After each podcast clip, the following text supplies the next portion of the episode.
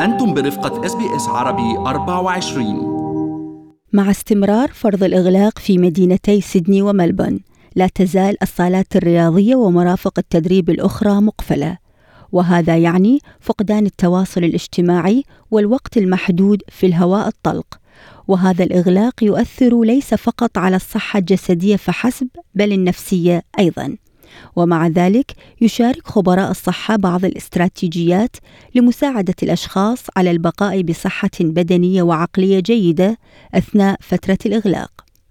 تامارا كافنيت طبيبة نفسية ورئيسة جمعية علم النفس الأسترالية تقول إن كل شخص في أستراليا قد تأثر بطريقة ما أو لديه بعض المخاوف بشأن جائحة كوفيد-19 When they're in lockdowns, we're hearing lots of issues around fear of the illness themselves, fear of the impact on families, concerns about the health system, its capacity to manage what's happening, and then also the impact on their day to day lives, what they're doing, where they're going, all of the restrictions, and then, of course, a lot of online fatigue.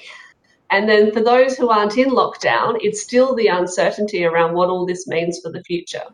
So a lot of people have had travel plans, career plans interrupted and changed as a result of this. It's had far reaching effects. كانت سيسيل سي وهي متحدثة باسم منظمة بيوند بلو تعاني من الاكتئاب في الماضي والذي تغلبت عليه من خلال العلاج النفسي نتيجة لذلك أصبحت مدركة تماما لمشاعرها الآن سي التي تعمل متطوعة تعيش في باراماتا وهي إحدى المناطق التي تشهد ارتفاعا في حالات الإصابة بكوفيد 19 وبالتالي تجديد القيود تقول إنها كانت تشعر بقلق شديد في بعض الأحيان I think it's very important to recognize that we're just humans, right? I feel like sometimes I put this additional pressure on myself to be okay. And that shouldn't be the case. And I have to understand and be aware of what I'm feeling. And especially, as I live in a, one of those uh, LGAs of concern.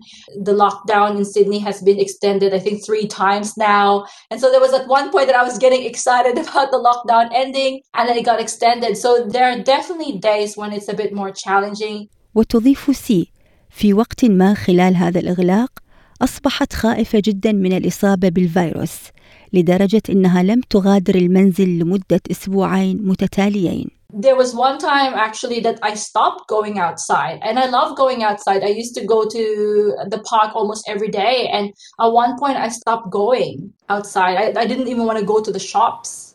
I think it's because that fear of, you know, people are talking about like all these increases in um, the COVID cases. I just started getting paranoid, and obviously that wasn't helpful. And I have to at least being brave enough to go to the park. So for me, going to the park was um, it was just a, a release as well. وتشير الدكتورة كافنيت إلى أن الناس يمكن أن يدمنوا على معرفة آخر التحديثات على وسائل التواصل الاجتماعي ومشاهدة الأخبار طوال الوقت، ولكن هذا قد يجعلهم في الواقع يشعرون بحالة سيئة. One thing that I really think that people should consider is um, how their use of the news is whether it's helpful or unhelpful.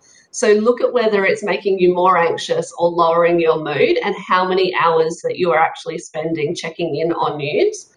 The other element is considering the use of social media. So the big like thing that I would tell anyone is look at how what you're doing is impacting you. If it's getting too much and getting you down, then consider disconnecting from some of those devices for a little bit of time to give yourself some mental space.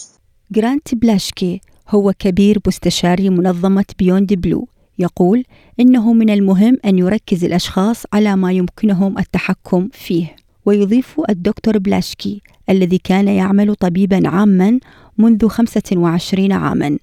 إنه من المهم أيضا ألا تنسى الفحوصات الصحية الوقائية. ويقول إن القدرة على الفصل بوضوح بين الحياة الخاصة والعمل لمن يعملون من المنزل أمر بالغ الأهمية أيضا. With work and home boundaries, many people are working from home, which is fine, but the risk is that it can become like you're living at work. So that the work keeps creeping into your life with emails and you never feel like you're off the hook. Uh, what I like to do, and I recommend is that you create a very explicit boundary about when is work and when is home life. وتقول الدكتورة كافنيت إن التمارين البدنية مهمة جدا خلال قيود كوفيد 19 ليس فقط للصحة الجسدية ولكن أيضا لتحسين الصحة النفسية we do know that exercise has huge implications for mental health.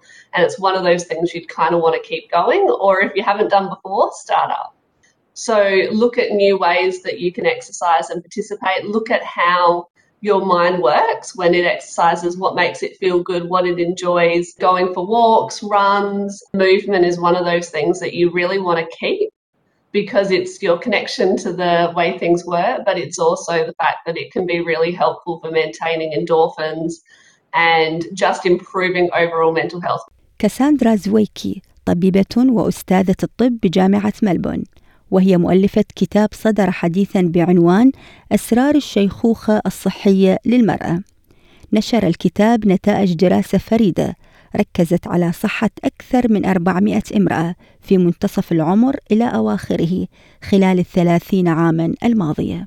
وتقول البروفيسور زويكي إن الدراسة تظهر أن التمارين اليومية تحسن الصحة العامة للناس In 30 years of our research, whilst we were expecting the intense exercises, gyms and swimming and these kind of structured exercise to do better, interestingly, over 30 years, we found the people that did the best were people who did activity seven days a week. And it did not have to necessarily be intense activity. A person who walked every day for 45 minutes to an hour did just as well as long as they were doing it seven days a week. So don't stress if you're not getting that intense exercise you used to, but just keep active every day. هذا التقرير من إعداد تشيارا بازانو ومنال العاني هل تريدون الاستماع إلى المزيد من هذه القصص؟ استمعوا من خلال أبل بودكاست، جوجل بودكاست، سبوتيفاي أو من أينما تحصلون على البودكاست.